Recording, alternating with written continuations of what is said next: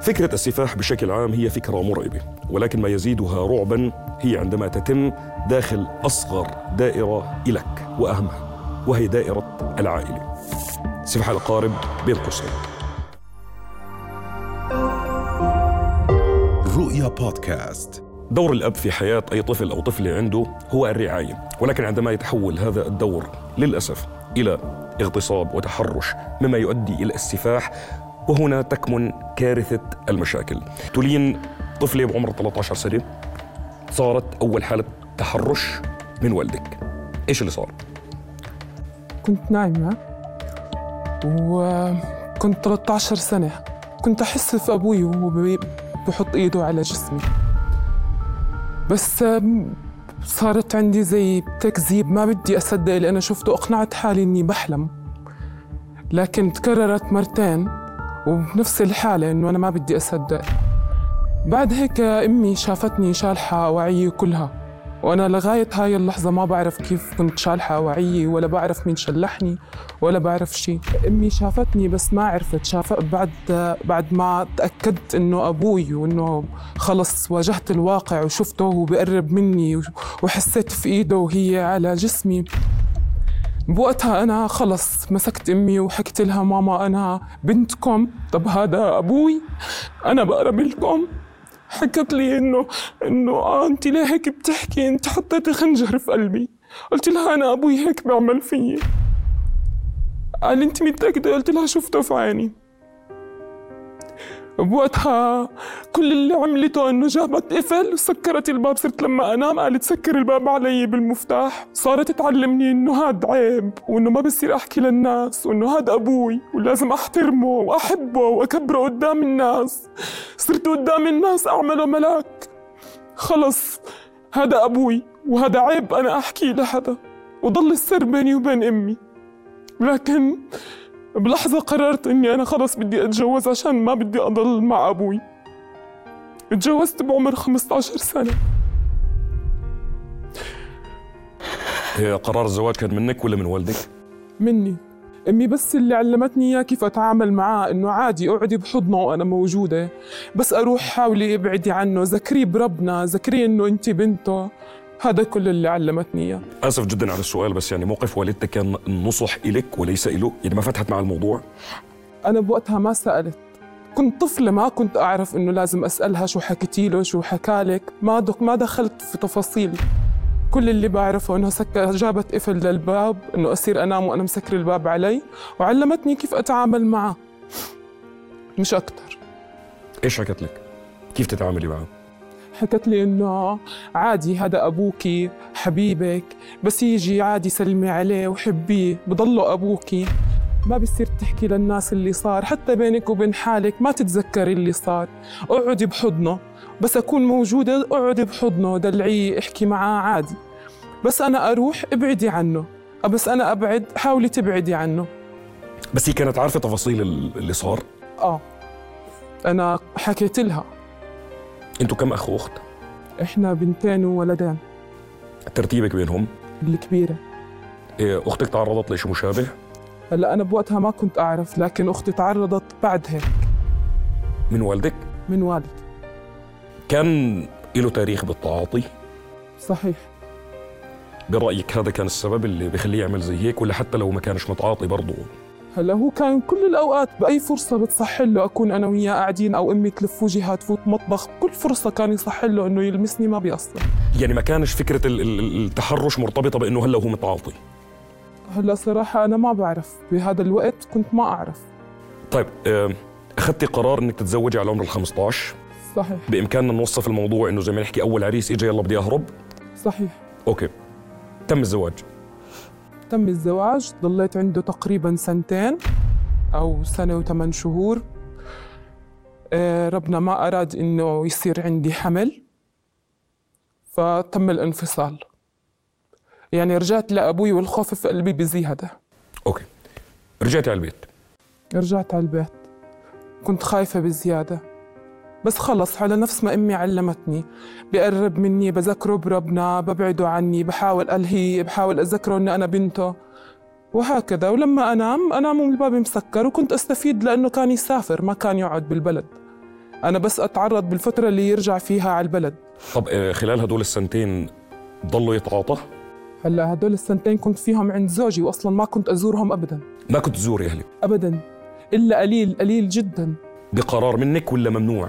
لا قرار مني وكان زوجي هذا ما كان يحب كان ما يرتاح لهم. لما رجعتي على البيت صار في محاولة تحرش ثانية طبعا. طبعا. أنا حكيت لك إنه كل فرصة تصح له إنه يقرب مني ما كان يوفرها. كل لحظة لو ثانية أمي بتشيل راسها بتزيحه على جهة تانية كان يستغل هاي اللحظة كنت أحس كيف ببوسني بطريقة مقرفة. كيف لما يقرب شفته لعند تمي؟ مقرف. مستحيل يلا أي وحدة بتقدر تعرف إنه هاي البوسة مش بوسة أب؟ لو كانت طفلة صغيرة لو كان عمرها سبع سنين بتحس إنه هاي البوسة مو مو بوسة طبيعية مو بوسة أب لبنته مو حضن أب لبنته. وضليت حاطة في قلبي وساكتة وماشية الحياة على كلام أمي. أوعي فضايح إلك فضيحة فضيحة فضيحة فضيحة وكبرت على كلمة فضيحة. كبرت على إنه ما أقدر أحكي لحدا. عدا عن إنه قبل ما أتزوج أصلا وأنا في المدرسة منعزلة. ما بحكي مع بنات. بحالي أضل أطلع عليهم وانه إنه ليه بيضحكوا هدول؟ صرت أخاف بتذكر حكيت بس لمعلمة لإلي. وأنا صغيرة ويا ريت حكيت لها إنه أنا قلت لها في وحدة هيك هيك هيك بصير معها. صارت المس بدها تعرف أكثر عن القصة إنه بدها إياني أحكي أشرح لها.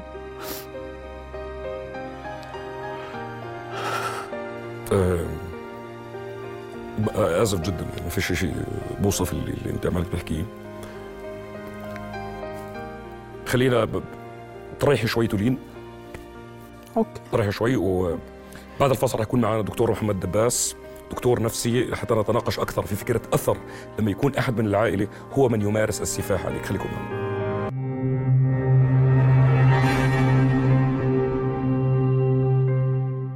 أهلا وسهلا فيكم من جديد. انضم لنا بالاستوديو دكتور محمد دباس. ميت أهلا وسهلا فيك دكتور. أهلا وسهلا فيك. إيه، بداية دكتور بدي أسألك سؤال بعدين نكمل القصة معك. أكيد. اللي يتعرض للتحرش من أحد أفراد عائلته. هل ممكن بس نوصف الموضوع بأنه بده علاج ما بعد الصدمة؟ أكيد يعني التحرش بحد ذاته مشكلة بغض النظر من مين من قائم الفعل. آه، بتعرض الشخص لآثار نفسية آنية وعلى المدى المتوسط والمدى البعيد كمان فخاصة الآثار إذا كان التحرش من النوع الجنسي في آثار على المرأة وعلى الفتاة الاثار جنسية على زواجها على علاقتها مع زوجها في المستقبل. يعني غير الآثار النفسية طبعا. تولين آم، حكينا بأنه انتهى الزواج رجعت على بيت أهلك وللأسف استمرت محاولات التحرش فيك. تم الزواج الثاني. تم الزواج الثاني. بالزواج الثاني جبت أول بيبي بفترة أول بيبي برن علي أخوي بيحكي لي إنه آه، أبوكي أنا بدي أعمل بدي أساوي أبوكي بتحرش في أختك أبوكي بيعمل في أختك. فكانت لأول مرة بطلع عن صمتي يعني عن لأمي وحكيت لأخوي قلت له أنا تزوجت صغيرة ليه؟ فبس عرف انجن طرد أبوي من البيت سب عليك ألفاظ بذيئة. آه، طبعا ورجعت أمي لملمت الموضوع بيننا. قعدتنا كنا إحنا الثلاثة أخوي عندي أخ صغير ما بيعرف شيء أصلا من الموضوع. قعدتنا إحنا الثلاثة إنه هذا أبوكم هاي فضيحة إلكم أنت اسمك كذا كذا كذا كذا مربوط فيك العار لآخر يوم بعمرك. إيه ووالدتك من الواضح من تسلسل الأحداث بأنه كان دائما الدافع تبعها أنه بدناش نفضح العيلة ما بدها تشتتنا ما بدها تفضحنا. ما بعرف أمي ليه كانت تضل ساكتة كل الوقت. ما بعرف ليه أمي أصلا من أول مرة أنا حكيت لها ما أخذت موقف منيح. ولو ولا لو من البداية أمي أخذت موقف وأنقذت أولادها حمتنا كبرتنا كان طلعنا كثير ناس كويسين. كان أقل ما فيها هذا ال ال الوجع اللي جواتنا انتهى بلحظتها. كان يمكن أختي ما تعرضت للي تعرضت له. إيه اللي صار مع أختك مشابه للي صار إلك؟ مشابه للي صار إلي. كيف انتهى الزواج الثاني؟ الزواج الثاني انتهى لأنه أبوي أجا لعندي على البيت. فجأة أنا صار عندي زي زي هبوط ضغط. ما ما بعرف أفسر حالتي بالضبط بوقتها كيف كانت. شايفته بس مو قادرة أقاوم لا قادرة أصرخ ولا قادرة أبعده عني. كل اللي قدرت أعمله إني أبكي بس.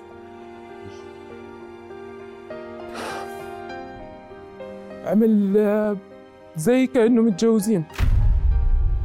أنا وياه زي اللي كنا متجوزين. بس اللهم إني ببكي. من هون خربت علاقتي بزوجي بدون ما أحكي له إيش السبب بس بطلت أحب يقرب مني ولا نفسي صرت أنام بغرفتي وأسكر الباب بالمفتاح ما بدي زوجي يقرب مني. يدخل على البيت انقز أخاف ما بدي. حتى هو صار يقول لي انت شو مالك ملبوسة؟ أنا بدي حق الشرعي أنا أقول له ما بقدر وما بدي وبدها بتعرف المحاكم طلقني. وبناء عليه انتهى زواجي الثاني. بناء على انه انت بطلتي تتحملي فكرة انه حدا يلمسك ابدا. خلص إيه دكتور يمكن واحدة من ال- ال- الآثار المرعبة اللي بتصير للبني آدم ولأنه هاي حاجة إنسانية. أكيد طبعا. كلياتنا نبحث عنها. لما يوصل الإنسان لأنه هاي الحاجة الإنسانية اللي من أهم الحاجات الإنسانية تصير أنت رافضها مع حدا متجوزه. مم. هو شوف يعني ال- اللي بتوصفه الست يعني إشي مؤلم جدا. هو صار جداً. صار طبعا آه، صار علاقة كانت علاقتها يعني ماشي حالها مع زوجها خلينا نحكي مسلكة أمورها. مش مية بالمية كانت أصلا يعني. لما تتذكر الأحداث السابقة فصار الموقف الأخير فهون صار في عندها تأنيب للضمير ردة فعل تأثيرات نفسية عنيفة. صارت ما تتقبل الزوج أولا ما تتقبله نفسيا جسديا يقرب إلها يحط إيده عليها حتى. أنت بعد ال- الانفصال الثاني رجعتي برضه لبيت آه، والدك؟ رجعت لبيت والدي. رجعت لبيت والدي كان برجع يوم بالأسبوع وأنا بشتغل ف أمشي حالي بهذا اليوم. ف, ف بإمكاننا نحكي ما رجعش صار في حالات تحرش أو لا كان يصير. لا كان يصير. هو لأنه ما حدا ردعه. ما حدا وقفه عند حده لا يوقف. لا يوقف بما أنه عمل معي إشي كتير كبير وأنا سكتت. ما حكيت. ضليت ساكتة. طبعا بده يضل يتمادى معي بده يضله بده بده يصير وقح. مش فارق معه. برضه طليل يمكن كل حدا عماله بيسمعنا. لازم يتراود إلى ذهنه هذا السؤال. هلا أنت الزواج الأول كنت 15 سنة. ثلاث آه 15 صح. ال- ال- 15 بعدين 17 هلا هون أنت صرت كبيرة واعيه ليه ما اشتكيتي؟ كنت أخاف. من؟ أخاف يقتلني. أخاف أنقتل بعدين لو اشتكيت وين بدي أروح؟ حماية الأسرة عندنا قانون. وبعدين؟ حياتي. بيحموكي. طيب وبعدين؟ حموني وبعدين؟ وين بدي أروح؟ وين بدي أعيش؟ كيف بدي أكمل حياتي؟ أرتمي في الشوارع؟ كيف أرتمي في الشوارع؟ أنا بنت صغيرة 13 سنة تأسست وكبرت على موضوع إنه ما بيصير أحكي. عيب أحكي. كيف أحكي بس بس يصير في زي هيك. لمين أحكي؟ طب ما أنا لما حكيت لأمي ما عملت شيء. لمين بدي أروح أحكي؟ حتى هلأ أنا كبيرة وحكيت وعملت وساويت وقدمت شكوى. مين معي؟ ما حدا معي. أبسط كلمة سمعتها من عائلتي. مين بدنا نصدق؟ البنت ولا الأم والأب؟ كلهم كذبوني. الموضوع انتشر بين العيلة؟ أكيد انتشر. طب دكتور ال collective mindset أو التفكير الجمعي تبعنا في المجتمع الذي يؤدي بالآخر نوصل لمرحلة إنه البنت تحكي لك العيب أهم من إنه هو يضحى بها. صح. إحنا اللي بذبحنا في مجتمعاتنا العربية وخاصة في الأردن اللي هو آه، العيب. وديري بالك لا تفضحينا لا تخبري لحدا لا تحكي. موقف والدتها كان ضعيف جدا. سلبي جدا. سلبي جدا. مش لازم هيك. يعني ليش تقول لها والله اقعدي بحضنه وعامليه عادي و مع إنه الأب هيك بيزيدها بشوف إنه ما في رادع. بس الشكوى هلا كيف صارت؟ طيب ليش هلا صار شكوى حاليا؟ لأني تزوجت للمرة الثالثة. احكي لنا أنت تم الزواج للمرة الثالثة وهلا صار في شكوى محررة ضد والدك. صحيح. بالزواج الثالث أنا برضو ما كنت أحب أحكي عن أفعال أبوي عن البيت عن أسرار بيتنا. بس صارت صدفة. أخوي هون صار زي المجنون بده يحكي للعيلة كل شيء عنده. كان بشهر 12 السنة اللي فاتت. صار بده يحكي كل شيء للعيلة. أبوي خاف. رن علي تليفون. كان سبيكر. سمع زوجي الحكي. إنه أبو أخوك بده يفضحني بده يحكي للعالم عني اللي عملته فيكي أنت وأختك. آه، طبعا هو كان يحكي أبوي إنه بكلام واضح مش زي ما أنا هلأ قاعدة بحكي. فزوجي كان سامع. انصدم. بحكي لي طبعا أنا أبوي بيقول لي إذا أخوك حكى قدام العيلة انت رح تشهدي معي ولا ضدي؟ قلت له أنا لا رح أشهد معك ولا رح أشهد ضدك. أنا ما إلي فيكم. أنت انقطعت علاقتك كاملا معهم؟ كامله بعد الزواج الثالث. بعد الزواج هذا. عمره صار في مصارحة؟ بخاف. ما عندي هاي الجرأة اللي آجي أنا أطلع فيه وأقول له ليه عملت هيك؟ أو أنت اللي بتعمل هيك أو لما يجي يلمسني ازيح ايده أقول له كسر بكسر إيدك إذا بتقرب علي. نفسي نفسي يتكرر الزمن وأعمل هيك بس ما كنت قادرة. ما بقدر. ما بدي أشوفه الأب الوسخ. أنا بدي أشوفه الأب اللي منيح اللي أنا رسمته بخيالي اللي أنا عايشة فيه إنه أبوي منيح أبوي كويس أبوي أبوي أبوي. لكن لما أخوي صار بده يحكي ل دار سيدي عن الموضوع وحكى معي أبوي تليفون سمع زوجي. هون إنه شو اللي أنا سمعته؟ بحكي لي. في إشي تاني مخبيته علي؟ طبعا حكيت له بس ما حكيت له شو صار معي الموضوع الكبير. قلت له بس هيك. كذبت عليه. شو اللي صاير؟ بينك عرف اللي صاير. انت بتكذبي علي؟ انت ما في بيني وبينك ثقة. آه، كيف انت بتوصل فيك الأمور لهيك وانت ساكتة؟ ما عندك كرامة. وين كرامتك انت كبني ادمه من القصص هاي. إنه انت طب آه، روحي قانون. انت قدمي شكوى قانونية. كل شيء صار معك احكي للقانون أنا ما بدي قانون ومن هون آه، بلشت فكرة بإنه انت بدك تلجا إلى القضاء من هون اجت فكرة القضاء. بس قبل ما ألجأ للقضاء أنا حكيت للعيلة على أساس إنه نحلها بالعيلة. لما لجأت لعائلتي عائلتي ما حدا أو مش ما حدا صدق. عارفينه وسخ وبيعرفوا إنه وسخ بيعرفوا إنه ضرب أمه بيعرفوا إنه هو بني آدم مو نظيف. بيعرفوا هاي التفاصيل. بس بنتهم اللي هي أمي واقفة معاه. وإحنا مين بدنا نصدق أنت ولا أمك؟ بنصدق أمك. وللأسف صمت الأم هو اللي وصل الأمور. صوتها أعلى من صوتي كانت هي صاحبة الحق دموعي وقهري ووجع قلبي وأنا بحكي. وأفرجيهم مسجات وأفرجيهم تسجيلات صوتية ما أثرت بحدا فيهم. ولا حدا فيهم استوعب. كلهم كانوا مستوعبين إنه أنت الكذابة أمك ما بتكذب. أنت لو عندك إشي كان أمك قالت مين أغلى على الأم الزوج ولا البنت؟ معاهم حق. أول شيء شكرا لشجاعتك ولكن هو للأسف في مش بس تولين. يمكن في عندنا المئات من أكيد طبعا. مجتمعنا إذا مش كان الآلاف يعني ف آه، شكرا جزيلا تولين. بعد الفاصل حيكون في معنا محمد. محمد يمكن الأحداث تبعته مرت زي ما بنحكي زي الملاهي. فيها صعود غريب وهبوط غريب. خليكم معنا. أهلا وسهلا فيكم من جديد. محمد شاب زينا كلياتنا حب بنت عادي. فجأة تحول الموضوع إلى رحلة هروب من الأهل. فجأة إلى سجن. فجأة رجع وتزوج فيها إلى أن انتهى الأمر بأنه عرف أنها على علاقة مع والدها. شكرا لوجودك معنا. الموضوع مش سهل بنعرف ولكن نمشي بالتسلسل البداية. أنت حبيت هالبنت بعدين قررتوا تهربوا. ليه هربتوا؟ أنا طلبتها أول مرة وما أعطونيش إياها والثانية ما أعطوني إياها. والبنت حكت إن أنا بدي بدي إياه وأنا بحبه ومش راح آخذ غيره. أبوها ضربها. وعمامة صاروا يضربوا فيها وبهدلوا فيها. وخلوها آه، تشتغل وتمسح وتعمل عشرة بزلوها. شرايط بضربوها كل يوم ضلوا يضربوها زلوها.